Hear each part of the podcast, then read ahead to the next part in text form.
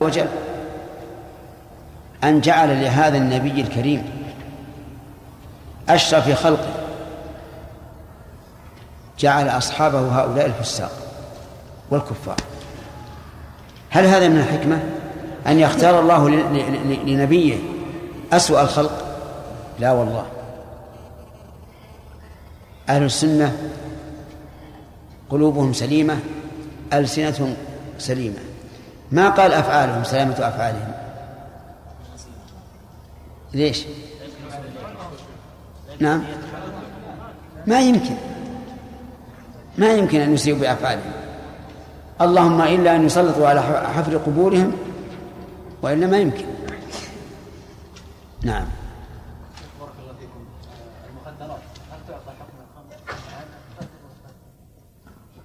لا أشد من هذا. أشد. أشد من الخمر. العقوبة أصل العقوبة عندنا عقوبة الخمر تعزير. وهي تعزير. مخدرات عقوبتها تعزير حسب ما يرى ولي الأمر. وكلما ازدادوا فيها ازداد الناس فيها يجب أن تغلظ بها العقوبة. نعم.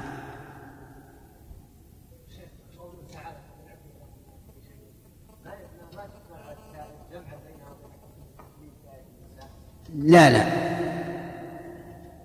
ما ما تعمل عليه. لا عامة. نعم.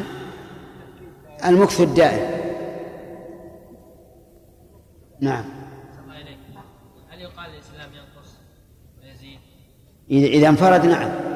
ولا شك أنه ينقص. هذه ما في أشكال الإسلام. لأن الإسلام متعلق بعمل الجوارح وعمل الجوارح تزيد وتنقص. ما في أشكال. نعم.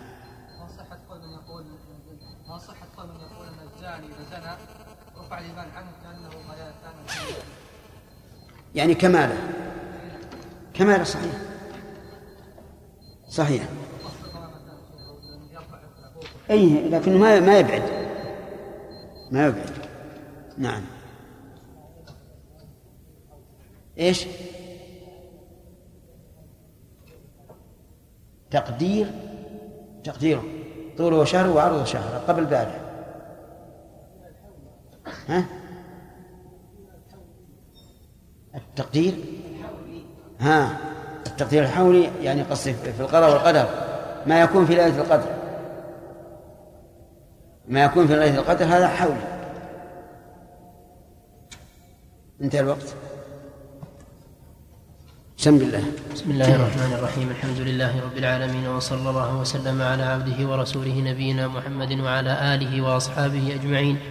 قال شيخ الإسلام ابن تيمية رحمه الله تعالى في كتابه العقيدة الواسطية فصل ومن أصول أهل السنة والجماعة سلامة قلوبهم وألسنتهم لأصحاب رسول الله صلى الله عليه وسلم كما وصفهم الله به في قوله تعالى والذين جاءوا من بعدهم يقولون ربنا اغفر لنا ولإخواننا الذين سبقونا بالإيمان ولا تجعل في قلوبنا غلا للذين آمنوا ربنا إنك رءوف رحيم وطاعة النبي صلى الله عليه وسلم في قوله لا تسبوا أصحابي فوالذي نفسي بيده لو أن أحدكم أنفق مثل أحد ذهبا ما بلغ مد أحدهم ولا نصيفه بسم الله الرحمن الرحيم. الحمد لله رب العالمين. وصلى الله وسلم على نبينا محمد وعلى آله وأصحابه ومن تبعهم بإحسان إلى يوم الدين. هذا الفصل الذي عقده المؤلف للكلام على الصحابة رضي الله عنهم فصل مهم. وذلك لأنه يتبين به طريق أهل السنة والجماعة فيما يعتقدونه في أصحاب رسول الله صلى الله عليه وعلى آله وسلم وما لهم من فضل. فمن أصول أهل السنة والجماعة سلامة قلوبهم وألسنتهم. قل يا عقيل سلامة القلب من ماذا؟ من الحقد والحسد والكراهة والبغضاء نعم. واللسان من السب والطعن هل لا يمكن أن نقول ينبغي أن يزاد وأيديهم؟ وذلك فيما كتبوا. لأنه قد لا ينطقون ولكن يكتبون. هذا يمكن أن نقول إن المؤلف رحمه الله تعالى ذكر الغالب وهو أن السب يكون باللسان. لكن لو زيد وأيديهم لأن من الناس من كتب في سب الصحابة رضي الله عنهم. قوله تعالى ربنا اغفر لنا ولإخواننا الذين سبقونا بالإيمان. هل المراد يا عبد الله القاضي السبق السبق الزمني أو السبق العملي؟ ها؟ أي والعملي.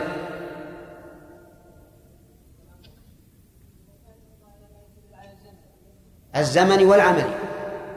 الزمني واضح.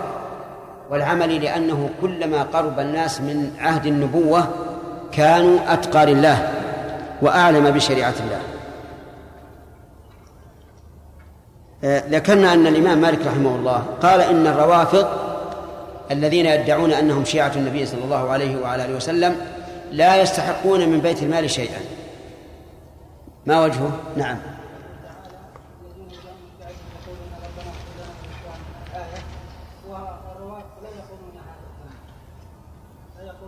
لكن ما وجه انه لا يستحقون من الفيء لأن الله جل وعلا في بدايه الايات ذكر ان الفيء للفقراء والمهاجرين والذين جاءوا من بعدهم يقولون ذلك لأنها معطوفة على قوله للفقراء المهاجرين. ثم الذين تبوأوا الدار والإيمان ثم الذين جاءوا من بعده. واستنباطه رحمه الله في محله أنهم لا يستحقون من الفيء شيئا لأنهم لا يقولون ربنا اغفر لنا ولإخواننا الذين سبقونا بالإيمان ولكنهم يلعنون أفضل الصحابة أبا بكر وعمر ويقذفون عائشة رضي الله عنها. أحب نساء أحب نساء النبي صلى الله عليه وعلى آله وسلم إليه. طيب. ثم قال رحمه الله تعالى وطاعة نعم. وطاعة النبي نعم. وطاعة يعني من أصولهم طاعة النبي صلى الله عليه وسلم في قوله لا تسبوا أصحابي أي لا تعيبوه بشيء. وأصحاب جمع صحب وصحب جمع صاحب. واختص النبي صلى الله عليه وعلى آله وسلم بأن بأن صاحبه من اجتمع به مؤمنا به ومات على ذلك. من اجتمع به ولو لحظة ولو كان لا يميز فإنه صاحبه. وهذا من خصائص النبي صلى الله عليه وعلى آله وسلم. وعلى هذا فمحمد بن أبي بكر الذي ولد في حجة الوداع من أصحابه لكن حديثه مرسل مرسل صحابي. هذا من خصائص الرسول عليه الصلاة والسلام. وأما من قال إن صحابة الرسول كغيره لا يسمى صاحبا إلا إذا دامت صحبته مع الرسول إذا طالت صحبته مع الرسول. فهذا مخالف لما عليه جماهير العلماء في المصطلح وغيره. إذن الصحابي من اجتمع بالنبي صلى الله عليه وعلى آله وسلم مؤمنا به ومات على ذلك. وقولنا بالنبي ليخرج من اجتمع به قبل النبوة مؤمنا بأنه سيبعث فإنه لا يكون صحابيا. ويخرج أيضا من آمن به في عالم الغيب كعيسى بن مريم عليه الصلاة والسلام. فإنه لا يعد من الصحابة لأن إيمانه بالرسول عليه الصلاة والسلام كان في عالم في عالم الغيب. ثم إن وصف عيسى بالصحابي قد يقلل من هيبته وتعظيمه لأنه موصوف بأنه رسول الله. وأنه من أولي العزم. وهذه وهذه مرتبة لا ينالها الصحابة رضي الله عنهم. لكن بعض المحدثين تعمق وتنطع وقال أفضل الصحابة عيسى بن مريم وليس أبا بكر. وهذا غلط. يقال إن عيسى ليس في مصاف الصحابة ولكنه في مصاف الرسل أولي العزم عليهم الصلاة والسلام. لا تسبوا أصحابي. المراد بأصحابي هنا من أسلم قبل الفتح. لأن سبب الحديث أن عبد الرحمن بن عوف رضي الله عنه وخالد بن الوليد وقع بينهما ما يقع بين الأصحاب. فقال النبي صلى الله عليه وسلم يخاطب خالدا لا تسبوا أصحابي إلى آخره. لكن هذا الوصف التي الذي هو الصحبة يندرج على جميع الصحابة بعده عليه الصلاة والسلام. فوالذي نفسي بيده. وهذا قسم من النبي صلى الله عليه وعلى آله وسلم وهو الصادق البار بدون بدون قسم. لو أن أحدكم أنفق مثل أحد ذهبا ما بلغ مد أحدهم ولا نصيف مثل أحد ذهب ما بلغ مد أحدهم ولا نصيفه أي نصف المد. لكن ما بلغ مد أحدهم من الذهب أو ما بلغ مد أحدهم من الطعام. يحتمل. إن نظرنا إلى سياق إلى أول الحديث قلنا مد أحدهم من من إيه؟ من الذهب. لو انفق أحدكم مثل أحد ذهب. وإن نظرنا إلى أن المعتاد أن الذهب يوزن ولا ولا يكال قلنا المراد ما بلغ مد أحدهم من الطعام. وأيهما أبلغ في وصف الصحابة؟ أن يكون من الطعام. إذا كان المد من الطعام لا يبلغه من تصدق بمثل أحد ذهبا فمن الذهب من باب أولى. ويقبلون أي الصحابة. ويقبلون أي أهل السنة والجماعة ما جاء به الكتاب والسنة والإجماع من فضائلهم ومراتبهم. فضائلهم فضائلهم الدينية والدنيوية والمراتب مرتبة الإنسان أنه فوق فلان أو فوق فلان. يقبلون هذا. ويقولون إن الصحابة يتفاضلون في الفضل والمراتب. ثم ها هنا مسألة. يجب أن نعلم أن الفضل نوعان. فضل مطلق وفضل مقيد. فمن, فمن امتاز منهم بخصوصية لا يلزم أن يكون أفضل من غيره ممن يفضله مطلقا. أفهمتم؟ المثال يوضح. قال النبي صلى الله عليه وعلى آله وسلم في خيبر لأعطين الراية رجلا يحب الله ورسوله ويحبه الله ورسوله. فجعل الناس يتكلمون في هذا. فلما أصبح قال أين علي بن أبي طالب؟ قالوا إنه يشتكي عينيه يشتكي عينيه يعني.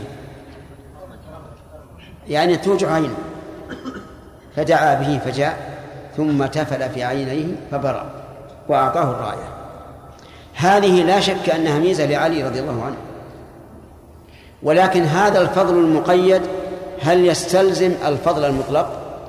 لا ما يستلزم هذا. فانتبه لهذه النقطة.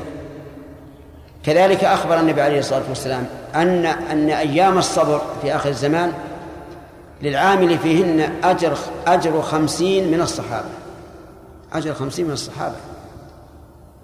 هذه الميزة هل تقتضي تفضيل هؤلاء في أيام الصبر على الصحابة؟ لا. لكن لهم أجر خاص لكون الأعمال الصالحة ثقيلة عليهم إذ لا معين ولا ناصر. ويقبلون ما جاء به نعم ما جاء به الكتاب والسنة والإجماع من فضائلهم ومراتبهم. ويفضلون من أنفق من قبل الفتح وهو صلح صلح الحديبية وقاتل على من أنفق من بعد وقاتل يفضلونه لأن الله تعالى فضلهم فقال هذه جملة مثلثة يقول يفضلون من أنفق من قبل الفتح وهو صلح الحديبية وقاتل على من أنفق من بعده وقاتل. بأي دليل؟ بقوله تعالى لا يستوي منكم من أنفق من قبل الفتح وقاتل. بعده؟ أولئك أعظم درجة من الذين أنفقوا من بعد وقاتلوا. وكلا وعد الله الحسنى. وهذا نص صريح في عدم المساواة. لا يستوي منكم من أنفق من قبل الفتح. وقاتل أولئك أعظم درجة من الذين أنفقوا من بعد وقاتلوا. والمراد بالفتح هنا صلح الحديبية. وسماه الله فتحا لأنه انفرج ما بين المشركين والمسلمين. في الصلح الذي جرى بين النبي صلى الله عليه وعلى آله وسلم وبين قريش. وليس المراد فتح مكة. فتح مكة هو ما جاء في قوله تعالى إذا جاء نصر الله والفتح.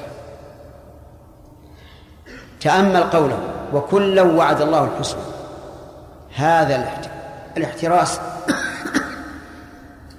مهم جدا. لأنه إذا قال لا يستوي منكم هؤلاء وهؤلاء فقد يقع في قلب بعض الناس الاستهانة بحق الآخرين المفضل عليهم. فقال وكلا وعد الله الحسنى يعني الجنة. ومثل ذلك قوله تعالى لا يستوي منكم لا يستوي القاعدون من المؤمنين غير أولي الضرر والمجاهدون في سبيل الله بأموالهم وأنفسهم فضل الله المجاهدين بأموالهم وأنفسهم على القاعدين درجة. إيش؟ وكلا وعد الله الحسنى. قال ويقدمون المهاجرين على الأنصار. لأن الله قدمهم في القرآن الكريم. ولأن المهاجرين رضي الله عنهم جمعوا بين الهجرة والنصرة. وأما الأنصار ففي أوطانهم. أين قدم الله المهاجرين على الأنصار؟ نعم. قل يلا. أنت رفعت يدك تكلم. نسيها. نعم. هذه لا بأس لكن غيرها. والسابقون الأولون. من المهاجرين والأنصار والذين اتبعوهم بإحسان فقدم الله المهاجرين. كذلك في الفيء قدم الله المهاجرين ثم قال والذين تبووا الدار والإيمان من قبلهم وهم الأنصار. أما التعليل فسمعتموه. المهاجرون جمعوا بين الهجرة والنصرة. والأنصار النصرة فقط لأنهم في ديارهم. ويؤمنون أن الله تعالى قال لأهل بدر وكانوا ثلاثمائة وبضعة عشر اعملوا ما شئتم فقد غفرت لكم. اللهم فضل أخبرنا عن أخبرنا بذلك رسول الله صلى الله عليه وعلى آله وسلم. وسببه قضية حاطب.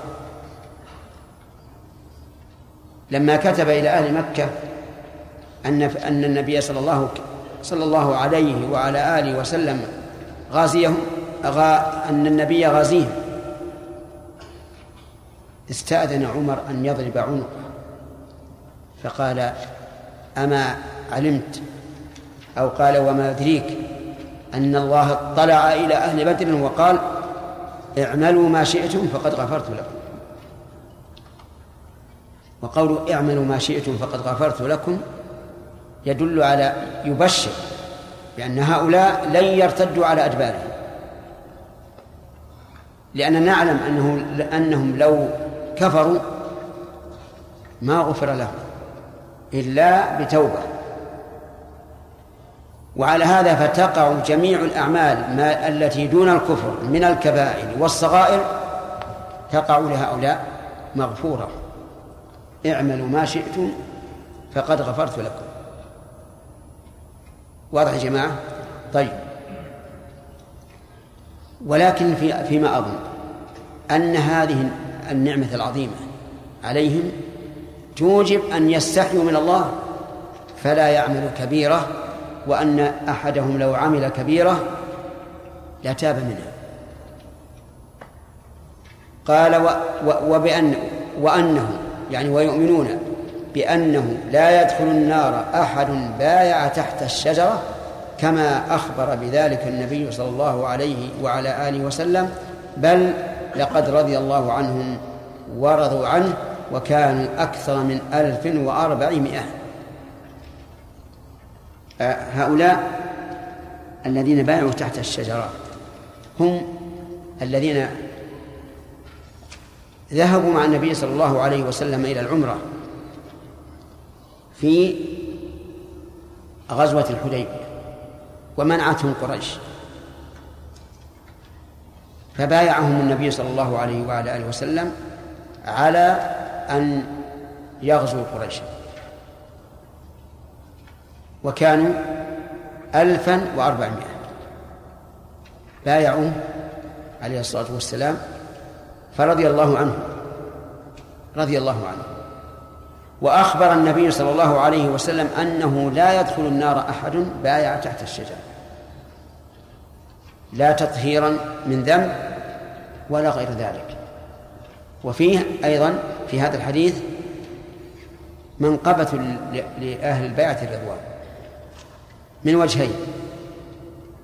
الوجه الأول أنهم سوف يمنعون من الكفر.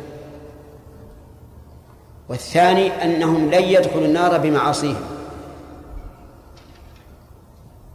لأن قوله لا يدخل النار عام. لا يدخل النار أحد عام. بل قد رضي الله عنهم ورضوا عنه. وسبق الكلام على صفة الرضا بالنسبة لله عز وجل.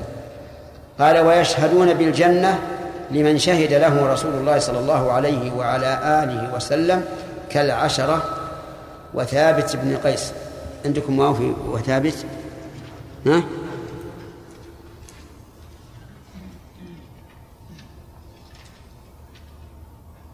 كالعشرة وثابت بن قيس بن الشماس وغيره من الصحابة.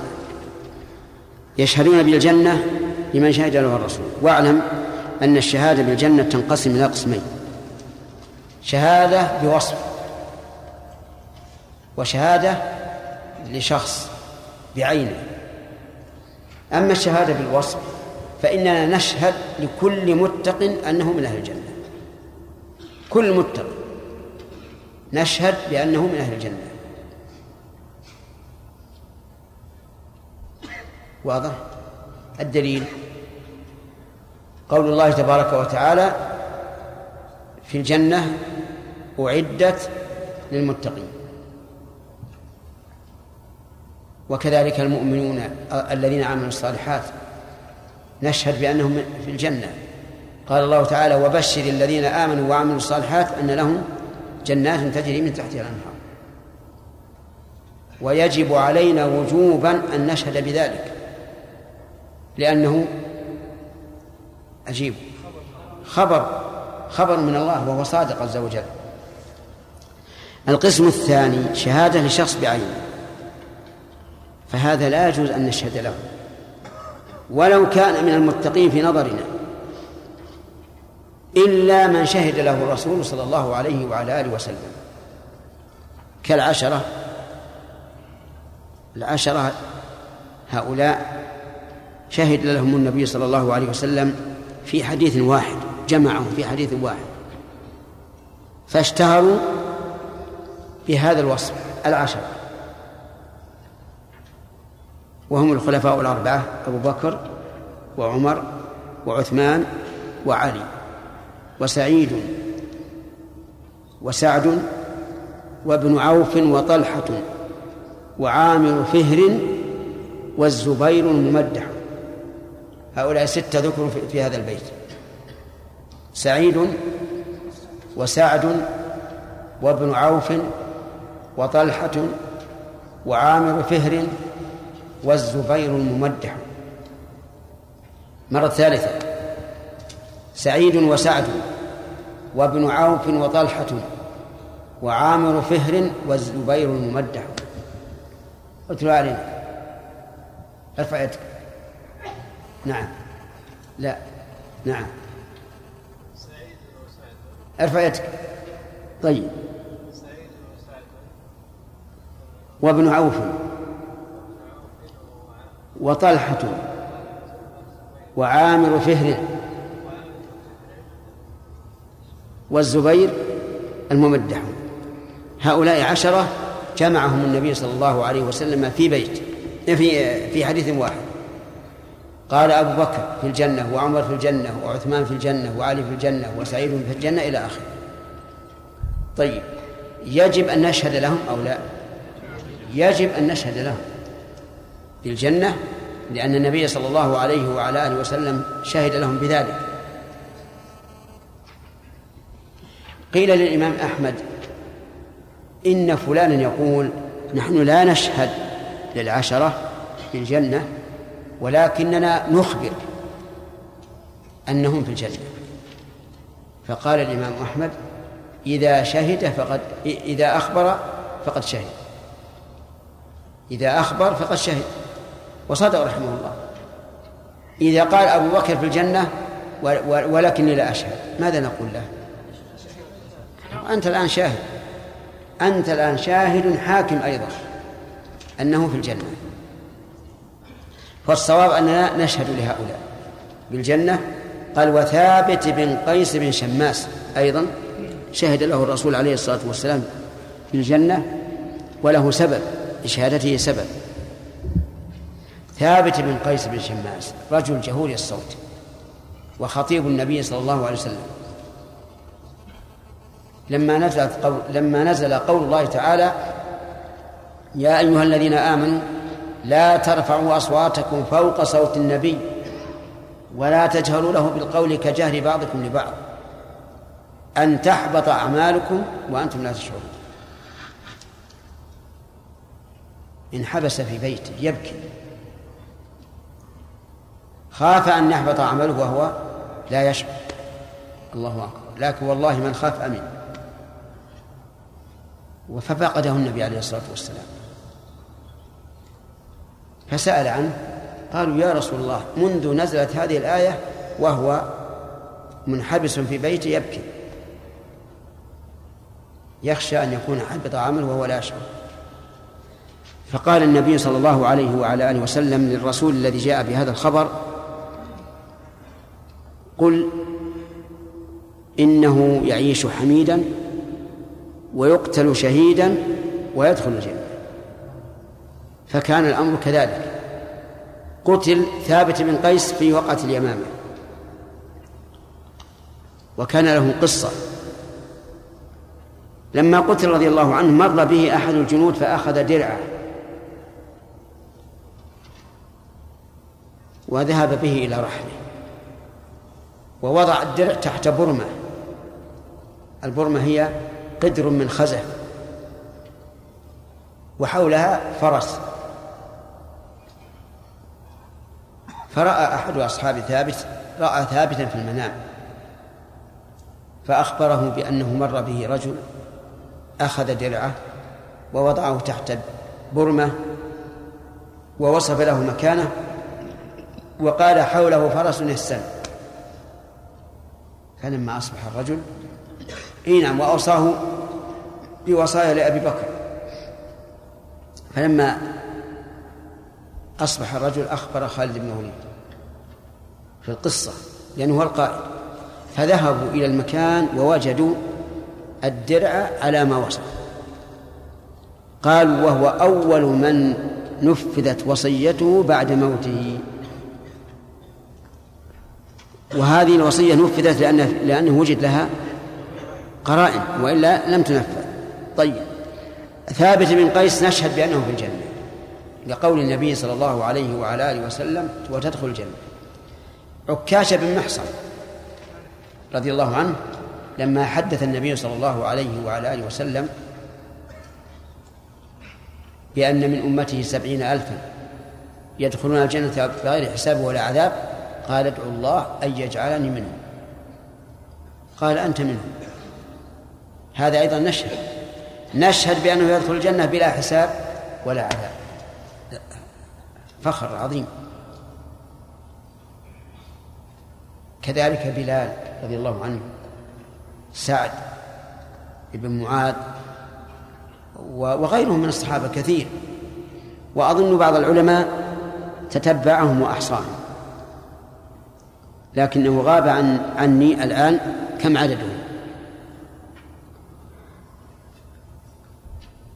ويشهدون بالجنة لمن شهد له النبي صلى الله عليه وسلم كالعشرة وثابت بن قيس بن شماس وغيره من الصحابة ويقرون بما تواتر به النقل عن أمير المؤمنين علي بن أبي طالب رضي الله عنه من أن خير هذه الأمة بعد نبيها أبو بكر ثم عمر.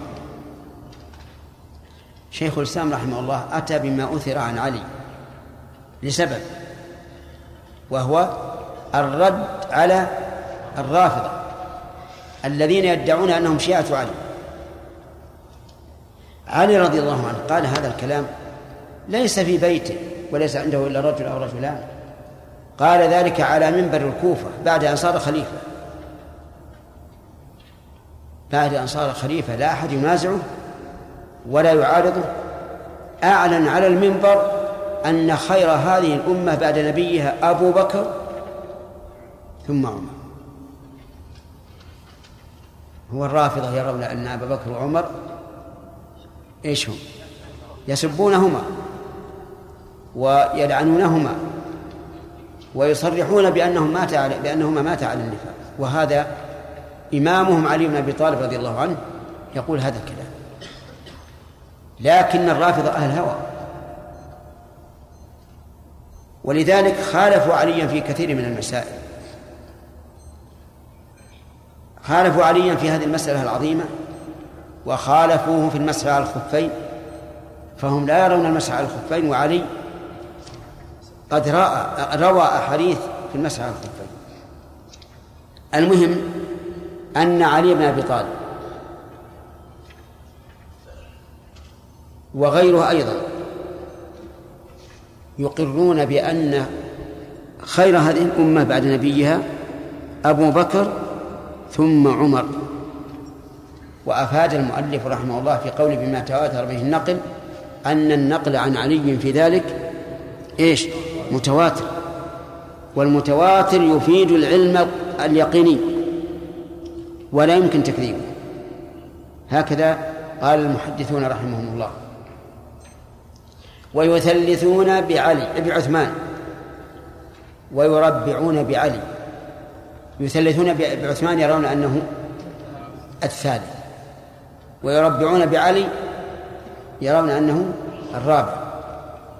إيه، ويربعون بعلي بعلي رضي الله عنهم كما دلت عليه الآثار. والإنسان إذا اتبعها وجدها موجودة مثلا في كتاب المشكات مشكات المصابيح وغيرها. كذلك في البخاري. وكما أجمع الصحابة على تقديم عثمان في البيعة. والرابع في البيعة علي. هذا بإجماع الصحابة. أبو بكر ثم عمر ثم عثمان ثم علي هذا بإجماع الصحابة وإجماع السلف. هذا في الخلافة انتبه. أبو بكر بما ثبتت بماذا ثبتت خلافته؟ أهي بالنص أم بالإيماء أم بالاختيار؟ نقول اجتمع فيها الثلاثة. فالنص قد يكون قريبا جدا أو صريحا في أن أبا بكر هو الخليفة بعده. لأننا رأينا النبي صلى الله عليه وعلى آله وسلم يقيمه نائبا عنه في إمامة المسلمين في الصلاة وإمامة المسلمين وقيادتهم في الحج. وأنه أشار إلى أنه الخليفة حيث أمر أن تسد الأبواب النافذة إلى المسجد إلا باب أبي بكر وقال يأبى الله ورسوله والمؤمنون إلا أبا بكر. أو قال يأبى الله والمؤمنون إلا أبا بكر. وأتته امرأة في حاجة فوعدها على رأس السنة. قالت إن لم أجد قال أتي أبا بكر. ومثل هذا نص أو قريب من نص. يعني هو لم يقل الخليفة بعد أبي بكر لكن أتى بما يدل على ذلك. والعلماء يقولون من ذكر أحكام الشيء ثبت الشيء ذكروا هذا في الوقف وقالوا إن الوقف ينعقد بذكر الأحكام المختصة به وأن الإنسان لو قال تصدقت ببيت هذا صدقة لا تباع صار وقفا لأنه يعني قال لا تباع والصدقة المطلقة تباع. يبيعها المتصدق عليه. هذه الأحكام التي ذكرها الرسول عليه الصلاة والسلام لا تترتب إلا إلا إذا كان إيش؟ إلا إذا كان خليفة. وهذا كالنص. أما الإيماء فكونه ينيبه إماما له في الصلاة يدل على أنه إمام المسلمين بعده. حتى إنه دعا أبا بكر. فأتت النساء له بعمر فقال إن كن صواحبات يوسف. حتى حتى ما أن يأتي أبو بكر وأنابه في الصلاة. في الحج عام عام تسع. من أمير الحج؟ أبو بكر رضي الله عنه. ثم أردفه النبي صلى الله عليه وعلى آله وسلم بعلم لكن الأمير الذي له الإمرة هو أبو بكر. وهذا إيماء واضح على أن الخليفة بعده في أمته من؟ أبو بكر. فأبو بكر هو هو الأول. عمر بماذا بماذا ثبتت خلافته؟ بالوصية من أبي بكر. ووصية الخليفة حكم يجب أن أن ينفذ لأنه خليفة. وكونه ينص على أن فلان هو الخليفة من بعدي هذا حكم منه تجب طاعته فيه. ولهذا لا غبار في في عهد أبي بكر إلى عمر لا غبار عليه. لأن أبا بكر ثبت أنه خليفة بإجماع الصحابة. واضح؟ وتخليفه فلانا أو فلان حكم منه وحكم الخليفة واجب التنفيذ والطاعة. فلا غبار على خلافة عمر رضي الله عنه. عثمان انتخبه الشورى. الستة الذين جعلهم عمر رضي الله عنه جعل الأمر بينهم شورى فالتزم عثمان رضي الله عنه أن يقوم بالخلافة ولكن عليا رضي الله عنه هاب. ولم يلتزم فبويع عثمان. شرعية بيعته أو غير شرعية؟ شرعية لأنها لأنها بعهد من الخليفة السابق. عهد إلى هؤلاء واختاروا ووجه الأمر إلى علي ولكنه هاب هاب فبايع عثمان والحمد لله بيعة شرع لا إشكال فيه. بعد استشهاد عثمان رضي الله عنه صارت الخليفة لمن؟ الخلافة لعلي. بمقتضى الشورى التي التي آه، أقامها عمر رضي الله عنه. فآلت إلى علي رضي الله عنه بيعة شرعية صحيحة. فكان هو الإمام وهو الخليفة رضي الله عنه. فهذه بيعة آه، الخلفاء الراشدين المهديين من بعد الرسول صلى الله عليه وعلى آله وسلم. قال رحمه الله شيخ الإسلام ابن تيمية وكما أجمع الصحابة على تقديم عثمان في البيعة مع أن بعض أهل السنة كانوا قد اختلفوا في عثمان وعلي رضي الله عنهما بعد اتفاقهم على تقديم أبي بكر وعمر أيهما أفضل؟ فقدم قوم عثمان وسكتوا أو ربعوا بعلي وقدم قوم عليا وقوم توقفوا. الآن عندنا مسألة متفق عليها بين أهل السنة وهي الخلافة. كذلك تقديم أبي بكر وعمر هذا متفق عليه بين علماء السنة أن أبا بكر وعمر أفضل الصحابة وأفضل الأربعة وأن أبا بكر أفضل من عمر. هذا متفق عليه. بقينا في عثمان وعلي. بالنسبة للخلافة إيش؟ متفق عليه ما في خلاف. حتى علي رضي الله عنه قد بايع عثمان. ولا ولا خلاف في هذا. التفضيل اختلف أهل السنة. على الوجه التالي. يقول فقدم قوم عثمان ثم سكتوا. قالوا نقول أفضل هذه الأمة أبو بكر ثم عمر ثم عثمان. وسكتوا عن علي وذلك لما حصل من الفتن بعد قتل عثمان واستشهاده. توقف. وقالوا الخلافة لم يكن فيها نزاع في هؤلاء الثلاثة. وهم أبو بكر وعمر وعثمان. ما لا لم تحصل فتنة ولا قتال ولا منازعة. فنذكر عثمان ونسكت. لكن هذا سيأتي إن شاء الله بيانه أو ربعوا بعلي. يعني قوم أيضا ربعوا بعلي. يعني جعلوه هو الرابع. وقدم قوم عليا. قالوا علي أفضل من عثمان. وهذا محل اجتهاد. إذا قالوا علي أفضل من عثمان هو محل اجتهاد. و وقوم توقفوا قالوا لا نقول عثمان ولا علي ولا علي ولا عثمان.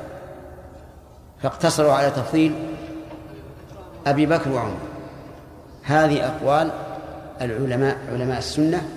نقلها شيخ الإسلام رحمه الله وهو ثقة في نقله لأنه أمين وواسع الاطلاع رحمه الله. ولكن يقول استقر أمر أهل السنة على تقديم عثمان ثم علي. الحمد لله. الآن اتفق أهل السنة استقر أمرهم على أن عثمان أفضل من علي. وهو أيضا هو المناسب لحكمة الله عز وجل.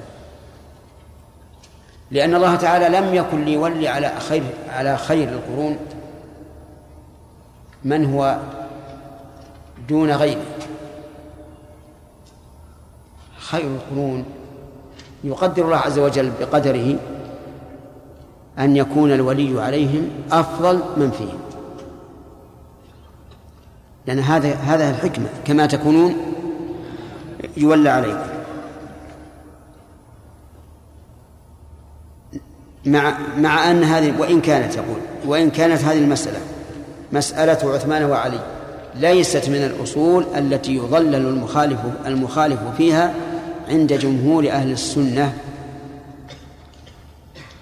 يعني من قدم علي رضي الله عنه على عثمان بما رأى, رأى له من الفضائل فإننا لا نضلله لا نقول ضال ولا مبتدع. لأن الفضائل لها مراتب.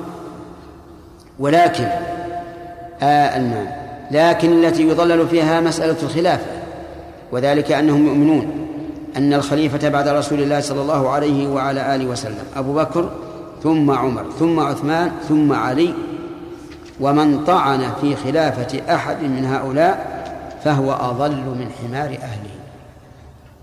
هكذا قال الإمام أحمد. قال من طعن في خلافة أحد من هؤلاء فهو أضل من الحمار من حمار أهله. ولا أحد بل ولا حيوان فيما نعلم أضل من الحمار أضل من الحمار. لأن الله يضرب به المثل في البلادة مثل الذين حملوا التوراة ثم لم يحملوها كمثل الحمار. فهو أبلد الحيوانات ويضرب به المثل في البلادة وعدم الفهم. الله أكبر الله أكبر. الله أرفع يدك. ما فعله بعض المعاصرين من ذكر القصص التي وقعت بين الصحابه ويحتجون لذلك كثير والذهبي صنف في ذلك نعم. نعم. أرى أن هذا غلط غلط منهم فالناس والحمد لله عامتهم يوقرون الصحابة ويحترمون الصحابة ويرون لهم فضلهم فإذا نقلت هذه النقول عنهم وما حصل بينهم من خلاف لا شك أن وزنهم سينقص وأن وأن أحد من الناس يميل إلى هؤلاء وأحد يميل إلى هؤلاء. وأن العام يقول إذا كان هذا هذه المقاتلة بين الصحابة فما بالنا نحن؟ وهو غلط. ونرجو الله سبحانه وتعالى أن يهديه ويعدل ما ما ما حصل حتى يتوب الله عليه. أي فائدة لنا في هذا؟ ولذلك كان من من مذهب السنة والجماعة السكوت عما شجر بين الصحابة كما سيذكر المؤلف. ونسكت عن حرب الصحابة فالذي جرى بينهم كان اجتهادا مجردا. والمجتهد إن أصاب فله أجران وإن أخطأ فله أجر. نعم. أحسن الله إليكم. ما يضيف بعض العلماء لتعريف الصحابي بأنه من اجتمع بالنبي صلى الله عليه وسلم مؤمنا به ومات على ذلك ولو دخل ذلك الردة هذا كلام ابن حجر رحمه الله في النخبة وصحيح. وذلك لأن الردة لا تحبط الأعمال إلا إذا مات الإنسان على ردته كما قال الله عز وجل ومن يرتد منكم عن دينه أكمل فيموت وهو كافر فأولئك حبط المال نعم عبد الرحمن في بعض البلاد التاريخ فيه عن ما وقع من المحاجرة بين الصحابة يذكرون حال معاوية رضي الله عنه وعلي بن أبي طالب شيخ أحسن ذلك. هذا الشيء الموجود إذا واحد أكبر خلاف ما موجود في الكتاب يعني أكبر من صحيح وما ينتمي على ما كتب في الكتاب. وإذا درس على هذا النحو ما يصح لأنه فيه كلام في الصحابة في كلام لا يرد أن يعني يوضح بالخلاف ماذا يفعل الإسلام في هذا؟ يعني الكتب المقررة موجود فيها هذا. طيب. هذا سهل. أولا لابد أن نصحح النقل عنه. قبل كل شيء. بحيث يكون صحيحا لا غبار عليه. ثانيا أن نعتذر لهم. أن نعتذر لهم. لا أن نسوقه مساق الدم والقدح. فنقول جراها على لأنهم مجتهدون. ثم إن غالب ما جرى. كما حققه شيخ الإسلام وغيره. غالبهم من الجنوب لا من القاعدة هم الذين صار فيهم ثورة وصار بعضهم يقاتل بعض. ولهذا في النهاية تصالح علي بن أبي طالب ومعاوية نعم. الأستاذ يبين للطلاب. أولا كما قلت لابد أن يصحح النقل. طيب ما يخالف يكتب يعلق عليها. يعلق عليها. لا إله إلا الله. يعلق عليها عند الطلبه يقول اكتب. هذا ما يمكن بعد؟ يعني عدوا أهل بدر واحدا واحد وعدوا كذلك الحديبيه واحدا واحدا نعم. قال قائل أشهد لهؤلاء جميعا بأنهم في الجنة بغفران الله لأهل بدر ولا يدخلون نعم. نعم. أي نعم. يعني أي نعم. ولكن أحسن على على وجه التعميم. أن يقول لا يدخل النار أحد بايع تحت الشجرة. ولا يقول فلان إذا كان منهم لا يدخل لا يدخل النار. نعم هل يعني سب الصحابة يعتبر ردة؟ قد نعم. جملة نعم ردة. نعم. وإذا كان يعني ردة هل من الصحابة جملة ثم تاب هل يقتل. على قياس قول من يقول إن من سب الرسول صلى الله عليه وعلى آله وسلم ثم تاب فإنه يقتل وتقبل التوبة لكن يقتل لحق الرسول. على قياس هذا أن يقتل أن يقتل هذا اللي سب الصحابة جميعا. لكنني لا أعلم في هذا نقلا فلا أقول فيه شيئا.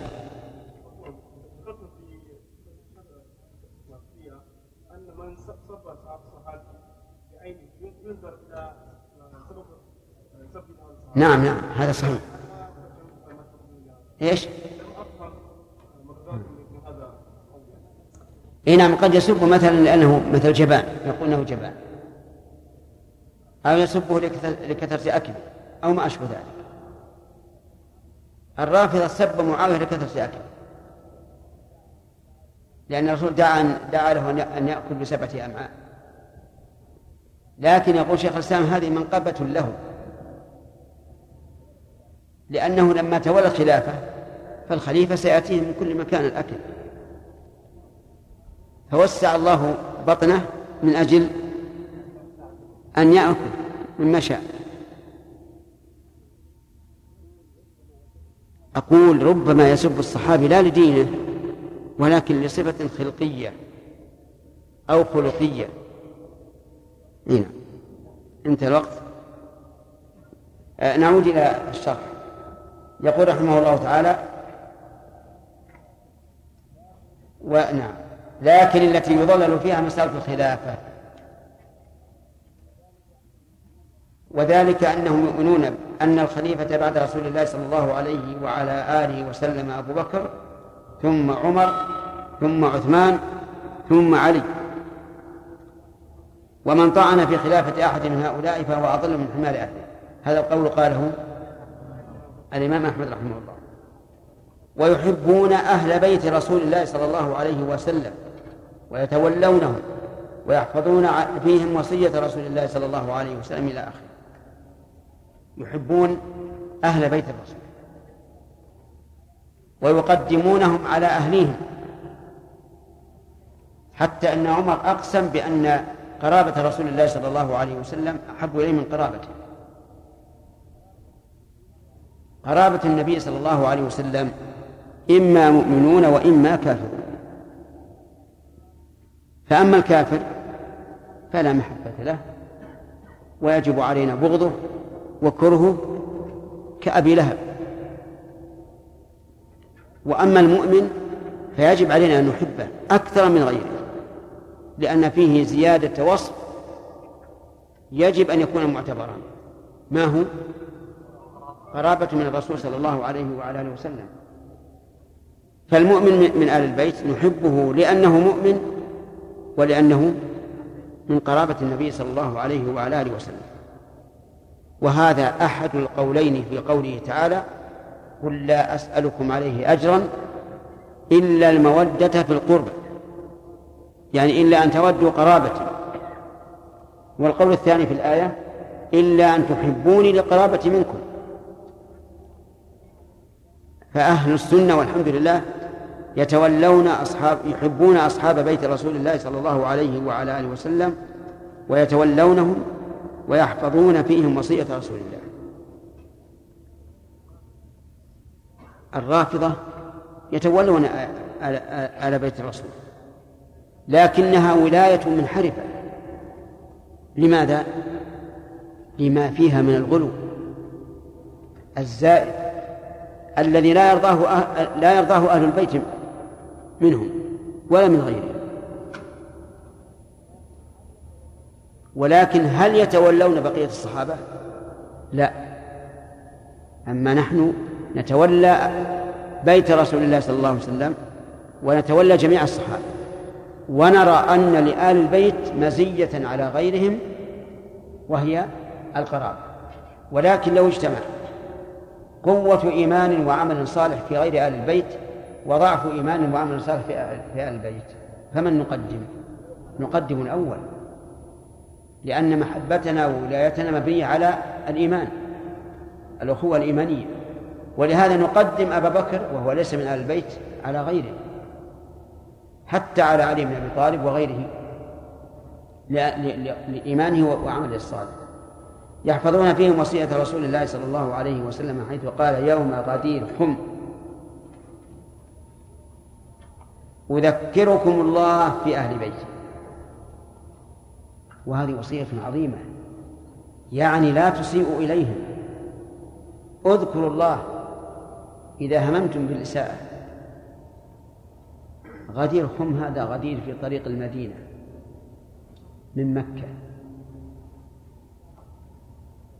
أقام فيه النبي صلى الله عليه وعلى آله وسلم بعد حجة الوداع وخطب الناس وذكر وكان من جملة ما ذكر أن قال أذكركم الله في أهل بيت. فنقول ذكرنا ذلك والحمد لله. أن لآل بيت الرسول صلى الله عليه وسلم علينا حقا عظيما. وقال أيضا للعباس عمه وقد اشتكى إليه أن بعض قريش يجفو بني هاشم. هذا واقع. الحسد لا يسلم منه أحد إلا أن يشاء الله. بعض قريش ولا سيما الذين من أشرافهم صاروا يجفون بني هاشم. إيش؟ لماذا؟ ماذا يا جماعة؟ حسدا حسدا أنهم من آل بيت الرسول وأنهم صاروا أشرف منهم وأعظم جاها. فصاروا يعني لا يقربونهم ولا يتولونهم. فجاء العباس يشكو. إلى النبي صلى الله عليه وعلى آله وسلم فقال هذا الكلام. قال النبي والذي نفسي بيده لا يؤمنون لا يؤمنون حتى يحبوكم لله ولقرابته. أقسم أنهم لا يؤمنون أي لا يتم إيمانهم حتى يحبوكم كم؟ لله ولقرابته. فقدم المحبة لله لأنها هي الأصل. ثم ثنى بالمحبة لقرابة النبي صلى الله عليه وسلم. وهذا حث من الرسول عليه الصلاة والسلام أن نحب آل بيته. وقال يعني النبي صلى الله عليه وعلى آله وسلم إن الله اصطفى بني إسماعيل. وهم العرب المستعربة. لأن إسماعيل عليه السلام نزل في مكة وجاءه أناس من جرهم وغيرهم فتعرب بلغتهم. ولهذا يسمى بنوه العرب المستعربة يعني الذي الذين أخذوا العربية من غيرهم. ومع ذلك المستعربة أفضل من من العاربة لأن فيهم رسول الله صلى الله عليه وعلى آله وسلم. واصطفى من بني إسماعيل كنانة واصطفى من كنانة قريشا واصطفى من قريش بني هاشم واصطفاني من بني هاشم. اللهم صل وسلم عليه. فهو خيار من خيار. ومعنى اصطفى يا إخوان؟ اختار. قال ويتولون أزواج رسول الله صلى الله عليه وسلم أمهات المؤمنين. الفاعل في يتولون أهل السنة والجماعة. أزواج النبي صلى الله عليه وعلى آله وسلم يعني زوجاته وقد تزوج إحدى عشرة امرأة ومات عن تسع.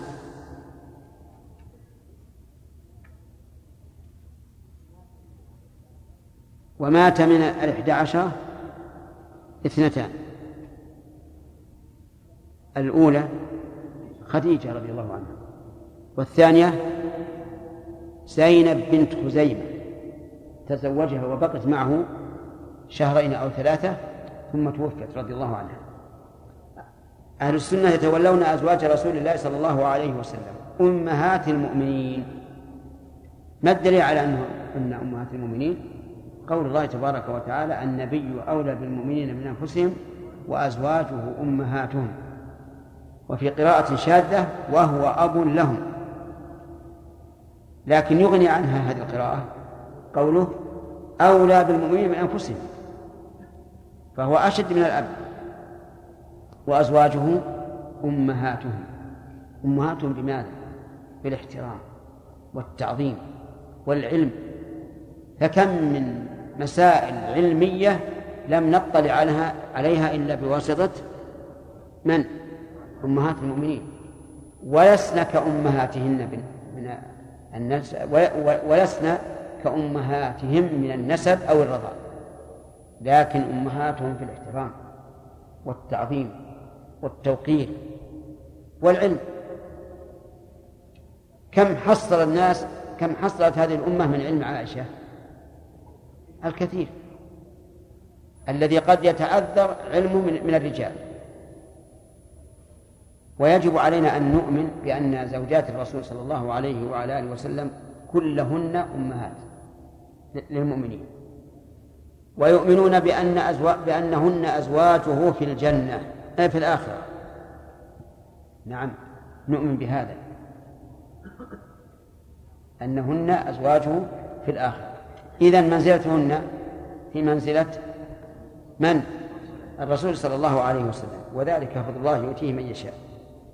خصوصا يعني أخص خصوصا خديجة رضي الله عنها أم أكثر أولاده وأول من آمن به وعرضه على أمره وكان له منها وكان لها منه المنزلة العالية.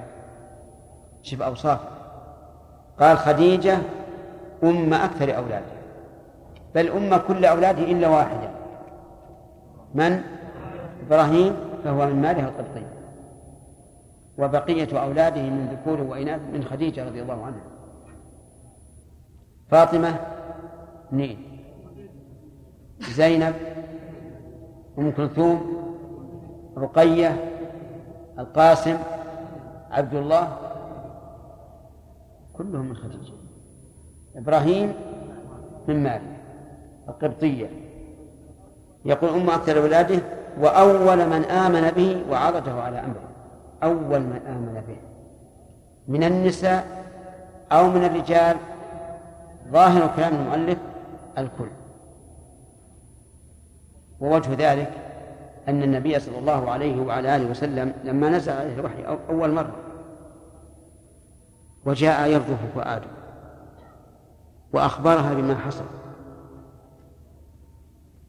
قالت كلا والله لا يخزيك الله أبدا إنك لا تزر الرحم وتقري الضيف وتحمل الكلب وتحمل الكلب وتعين على نوائب الحق. ما شاء الله. ذكاء ذكاء ذكاء عجيب.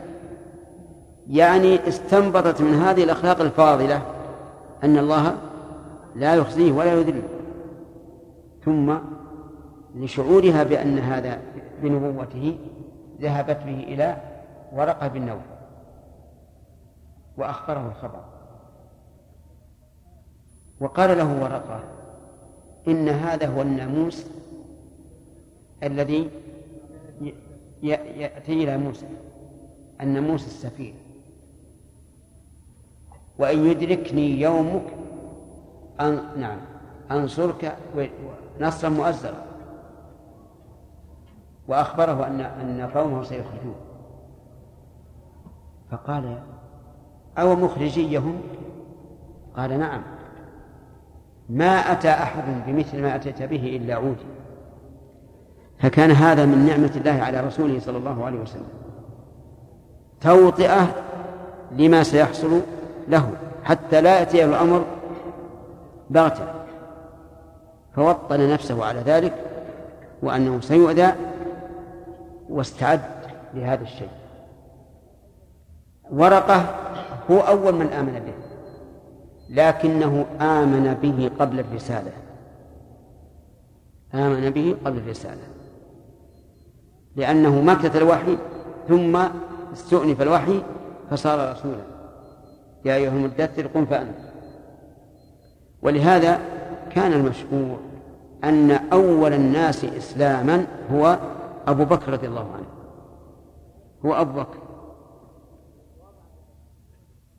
والجواب عما ذكرنا أن ورقة وخديجة آمنا به قبل قبل الرسالة. إلى الأسئلة الآن.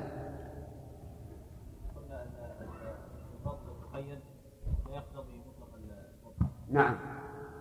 المهاجرين قلنا لأنه النصرة والهجرة نعم. هذا فضل مقيد لا مو مقيد. هذا مطلق. إي نعم. النصرة عموما. لأن لأن الأنصار ما عندهم إلا جزء واحد من جزئين. لكن التقديم قال النبي صلى الله عليه وسلم لما أقبل على الصفا إن الصفا والمروة من شعائر الله أبدأ بما بدأ الله به. فتقديم الذكر له سبب. نعم.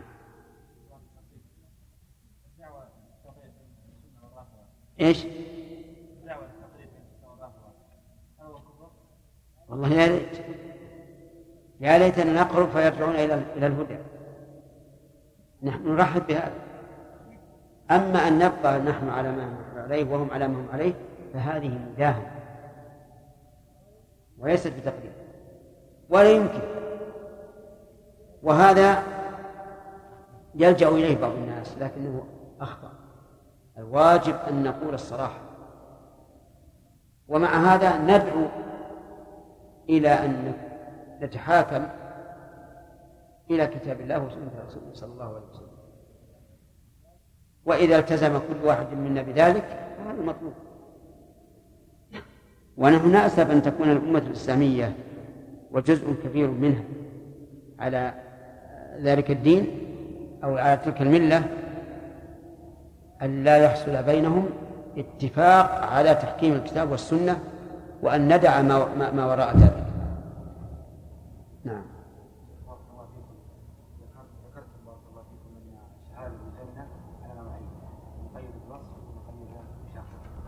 الشهاده بالنار نعم نفس الشيء. الشهادة بالنار نوعان. معلقة بوصف مثل الكافرين معدة للكافرين ومعلقة بشخص كعمرو بن لحي الخزاعي وكذلك أبو طالب وأمثالهم وكذلك أبو النبي صلى الله عليه وسلم وأمثالهم. وأما حديث ما أتيت من قبر قبر عامري أو قرشي فبشره بالنار فهذا ضعيف. لا تقوم بحجة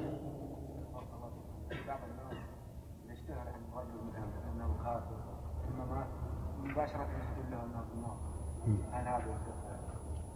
ما الفائدة؟ نعم. لا فائدة. إن كان من أهل النار فهو من أهلها سواء قلت أو ما قلت. وإن لم يكن من أهل النار فأنت على خطر لأنه ربما يفتح الله على الإنسان في آخر لحظة ويسلم نعم. تعريف الصحابي انه من سمع النبي صلى الله عليه واله وسلم لا لا تقول آل قل وعلى آل نعم. نعم. بعد النبوه بدون تغيير بين التمييز أو غير ذلك يعني سواء كان تمييزا أو لا فالاشكال ان ورقه بن نوفل امن بالرسول صلى الله عليه وسلم بعد آه،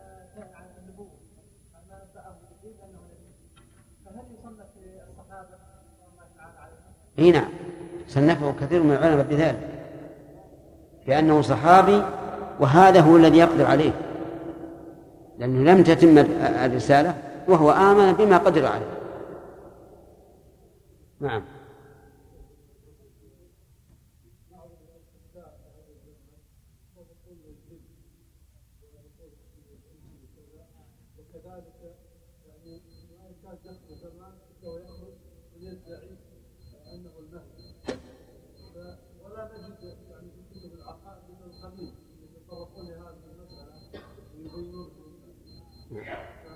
أما المهدي فإنه تطرقوا له. السفاريني رحمه الله تطرق له. وأما مسألة الجن, الجن فالله ما حد ما في أشكال.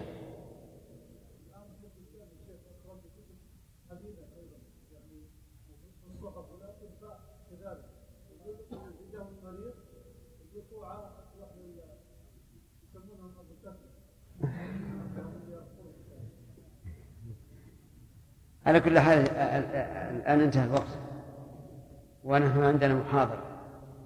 جاي زود معكم. على النساء كفضل الثريد على سائر الطعام ويتبرؤون من طريقة الروافض الذين يبغضون الصحابة ويسبونهم وطريقة النواصب الذين وطريقة. وطريقة النواصب الذين يؤذون أهل البيت بقول أو عمل ويمسكون عما شجر بين الصحابة ويقولون إن هذه إن هذه الآثار المروية في مساوئهم منها ما هو كذب ومنها ما قد زيد فيه ونقص وغير عن وجهه والصحيح منه عما والصحيح منه عما فيه. منه هم فيه. هم. والصحيح منه هم فيه معذورون إما مجتهدون وإما مجتهدون مخطئ إيه، نعم. إما مجتهدون وإما مجتهدون. إما مجتهدون مصيبون. إما مجتهدون مصيبون وإما مجتهدون مخطئون وهم مع ذلك لا يعتقدون أن كل واحد من الصحابة معصوم عن كبائر الإثم وصغائره بل يجوز عليهم الذنوب في الجملة ولهم من السوابق والفضائل ما يوجب مغفرة ما يصدر منهم إن صدر. حتى إنه يغفر لهم من السيئات ما لا يغفر لمن بعدهم لأن لهم من الحسنات التي تمحو السيئات ما ليس لمن بعدهم. وقد ثبت بقول رسول الله صلى الله بسم الله الرحمن الرحيم الحمد لله رب العالمين وصلى الله وسلم على نبينا محمد وعلى آله وأصحابه ومن تبعهم بإحسان إلى يوم الدين. سبق لنا بيان طريق أهل السنة والجماعة بالنسبة لآل البيت. يلا عبد الرحمن. نعم.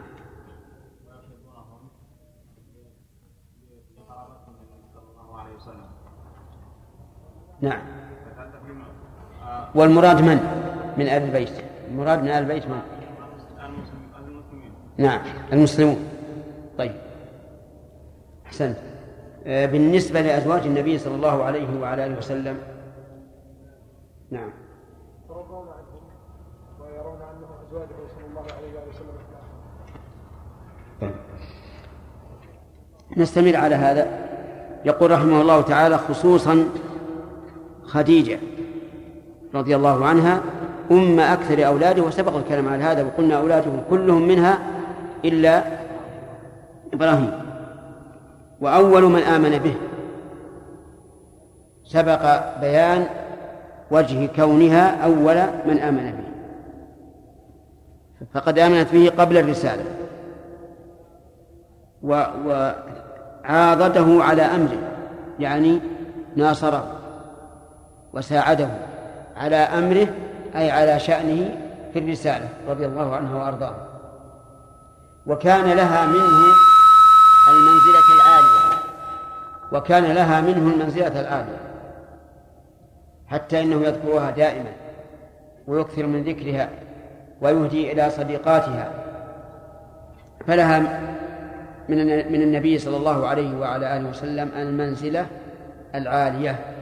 ثم قال والصديقة يعني وخصوصا الصديقة بنت الصديق عائشة رضي الله عنها. فهي صديقة بنت صديق. أصل أصلا وفرعا طيبا. والصديق اسم مبالغة على وزن فعيل من الصدق.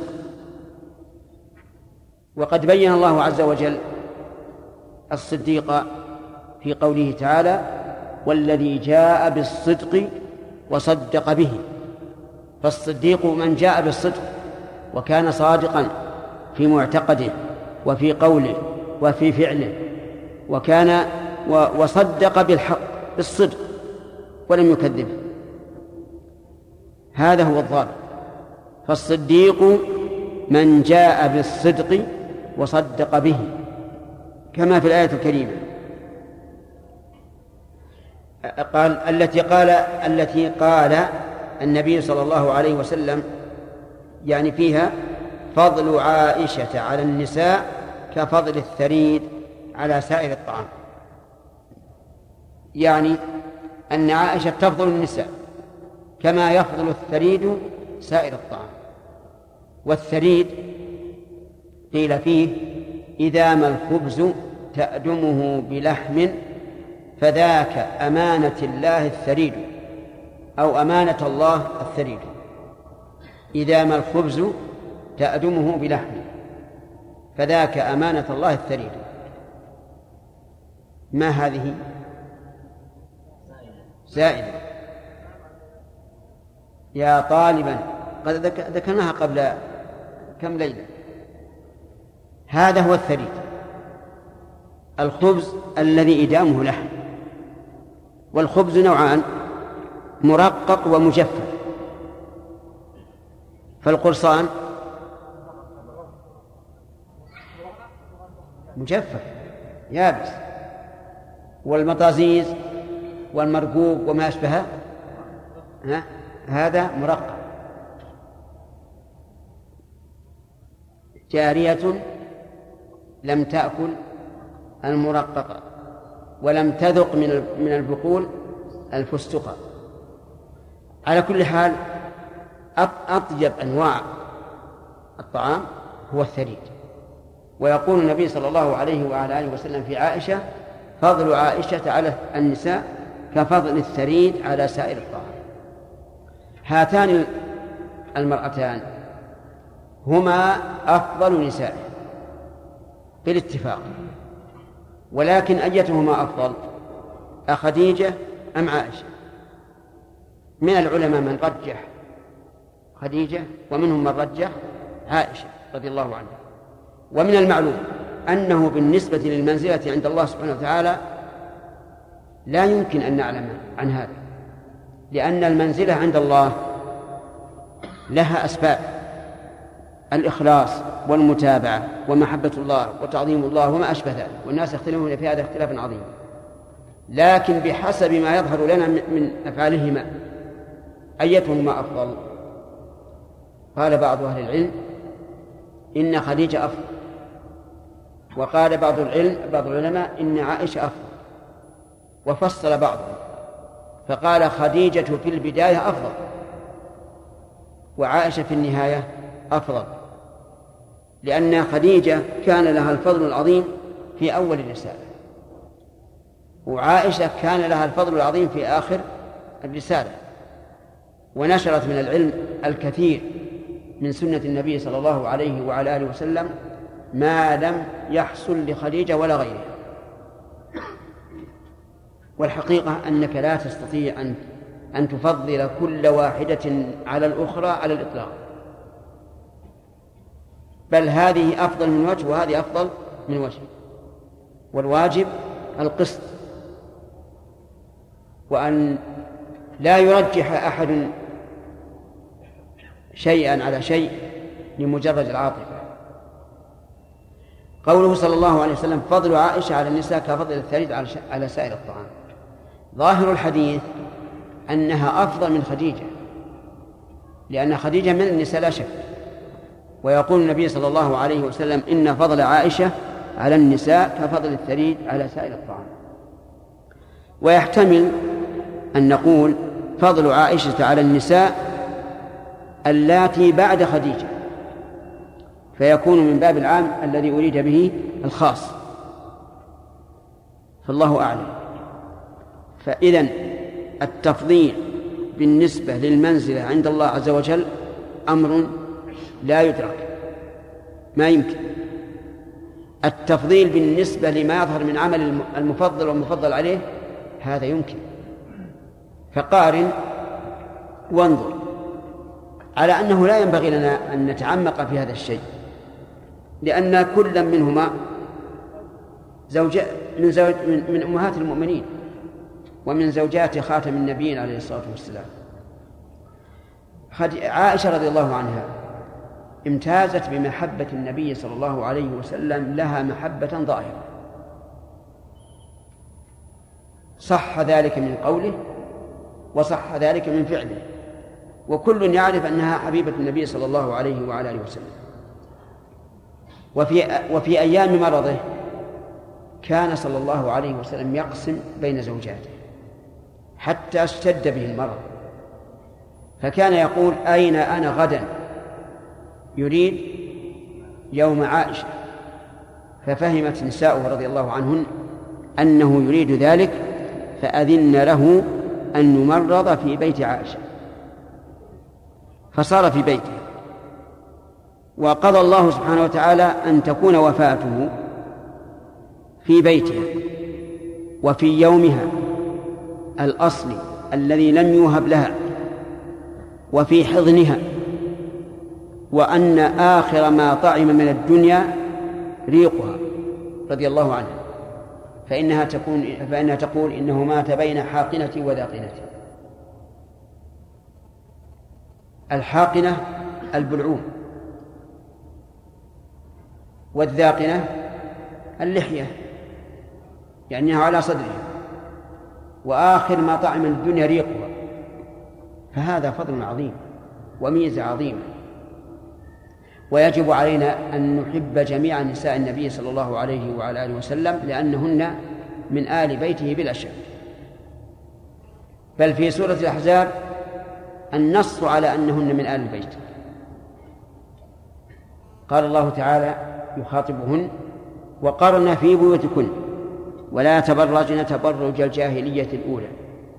وأقمنا الصلاة وآتينا الزكاة وأطعنا الله ورسوله. إنما يريد الله ليذهب عنكم الرجس أهل البيت ويطهركم تطهيرا. واذكرن ما يتلى في بيوتكن من آيات الله والحكمة. وهذا واضح. أن زوجاته من آله.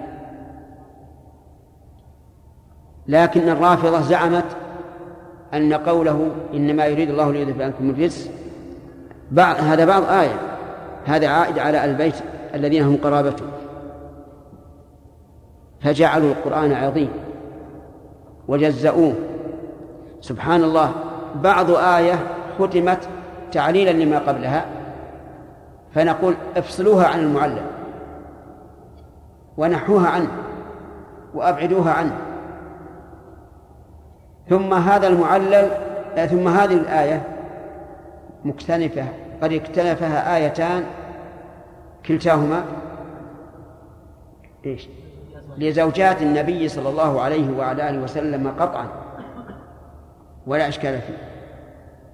ولكن كما قلنا ونقول وسنقول إن شاء الله من لم يجعل الله له نورا فما له من نور. ومن يضلل الله فلا هادي له. فنحن نشهد الله عز وجل وملائكته وجميع خلقه أن قوله تعالى إنما يريد الله ليذهب عنكم رجس أهل البيت يراد بهم بها زوجات النبي صلى الله عليه وعلى آله وسلم. وإن عدينا المعنى إلى آل الرسول بقرابته فإننا نعلم أن أطهر البيوت بيوت النبي صلى بيت النبي صلى الله عليه وسلم. قال رحمه الله ويتبرؤون من طريقة الروافض الذين يبغضون يبغضون الصحابة ويسبونهم وطريقة النواصب الذين يؤذون أهل البيت بقول أو عمل. هاتان طائفتان زائغتان ضالتان.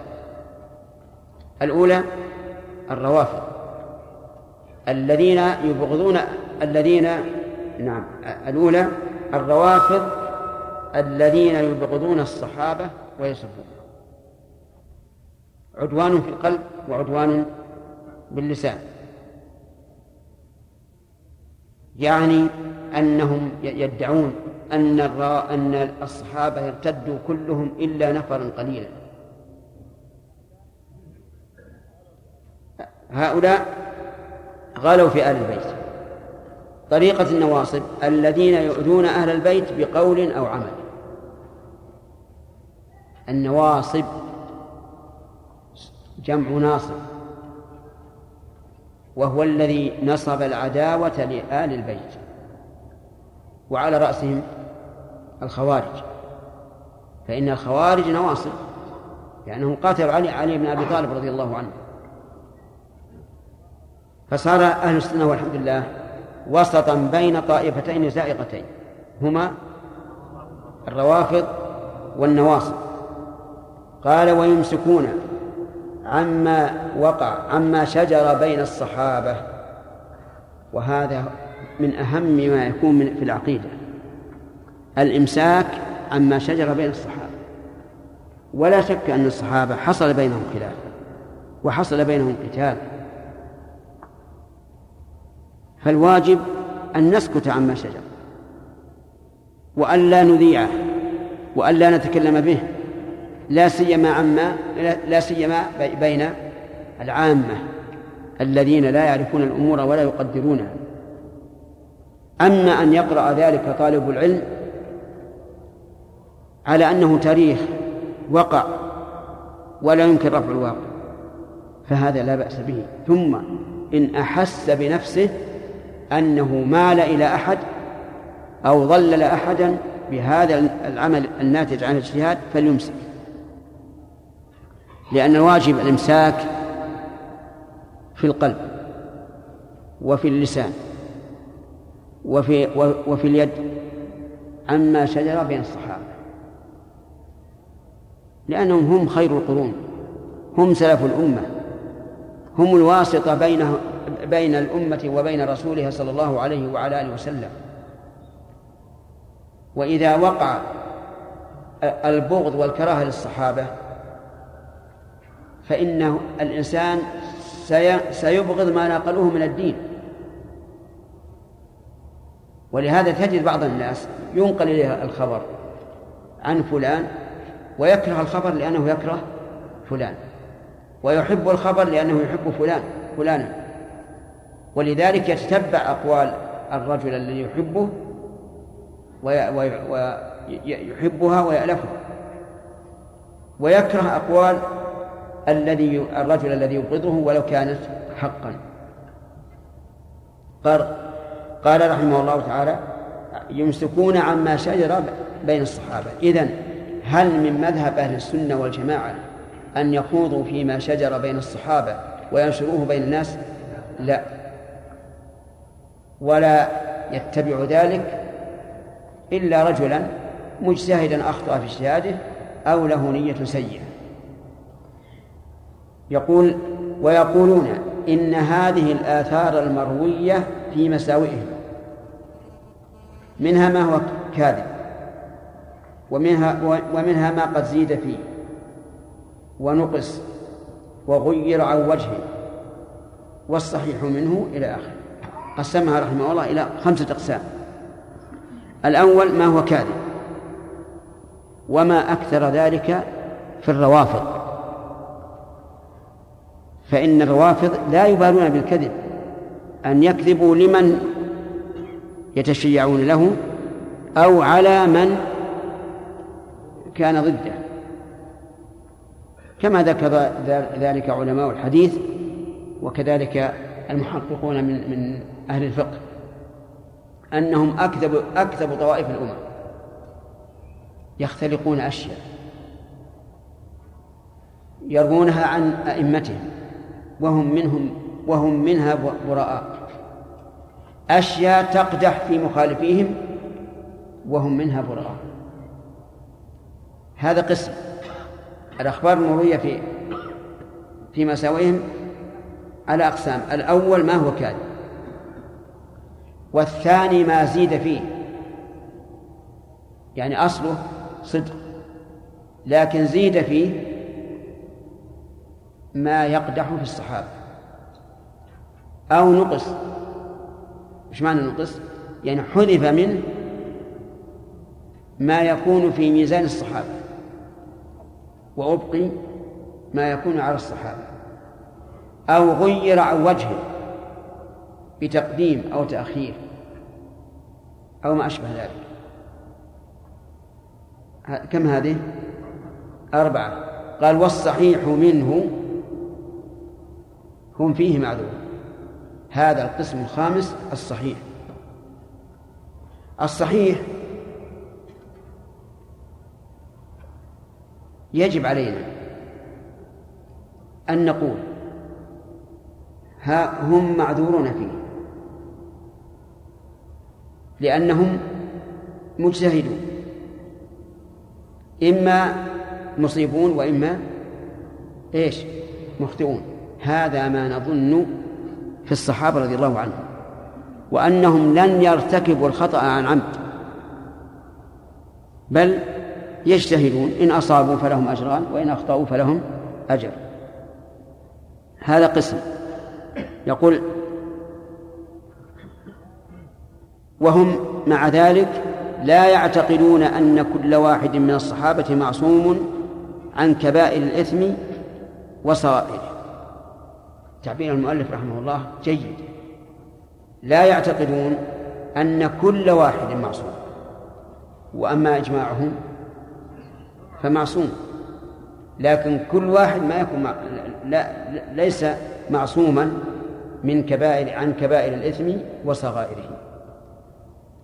بل يجوز عليهم الذنوب في الجملة. يجوز شرعا أو عقلا؟ عقلا وشرعا. يجوز أن يقع منهم هذا. قال الله تعالى يا أيها الذين آمنوا إن جاءكم فاسق بنبأ فتبين. وقال تعالى الزانية والزاني فجلدوا كل واحد منهما مئة جلدة ووقع الزنا في عهد الرسول صلى الله عليه وعلى آله وسلم. ووقع في عهده شرب الخمر بعد أن حرمت. ووقع في في عهده السرقة وقطعت يد السارق فليس كل واحد من الصحابة معصوما من كبائر الإثم وصغائره بل يجوز عليهم الذنوب في الجملة. ولكن لهم من السوابق والفضائل ما يوجب مغفرة ما يصدر منهم إن صدر. هذا ينبغي أن يضاف إلى قوله ما هم هم فيه معذورون. هو القسم الأول أنهم معذورون فيما وقع منهم من الخطأ. لماذا؟ لأنهم مجتهدون إما مصيبون وإما مخطئون. أيضا لهم من الثواب والفضائل ما يوجب مغفرة ما يصدر منهم إن صدر هاجروا في سبيل الله وبذلوا رقابهم في دين الله وذبوا عن رسول الله صلى الله عليه وسلم وتابعوه في العسر واليسر. فلهم فهذه السوابق من من نالها من الأمة؟ لم ينلها أحد. هذه السوابق لا يضيعها الله عز وجل. فإن الله لا يضيع أجر من أحسن عملا. هذه السوابق والفضائل توجب مغفرة ما يصدر منه إن صدر. والشرط الذي ذكره رحمه الله يعني تأكد وتحقق مما يضاف إليهم من المساوئ. هل صدر أم لم يصدر؟ ما صدر منهم إن صدر حتى إنهم يغفر لهم من السيئات ما لا يغفر لمن بعدهم. وذلك ظاهر في أهل بدر. فإن الله تعالى اطلع إليهم وقال اعملوا ما شئتم فقد غفرت لكم. وكذلك في أهل بيعة الرضوان. لقد رضي الله عن المؤمنين إذ يبايعونك تحت الشجرة. وكذلك في قوله تعالى محمد رسول الله والذين معه أشداء على الكفار رحماء بينهم إلى آخر الآية.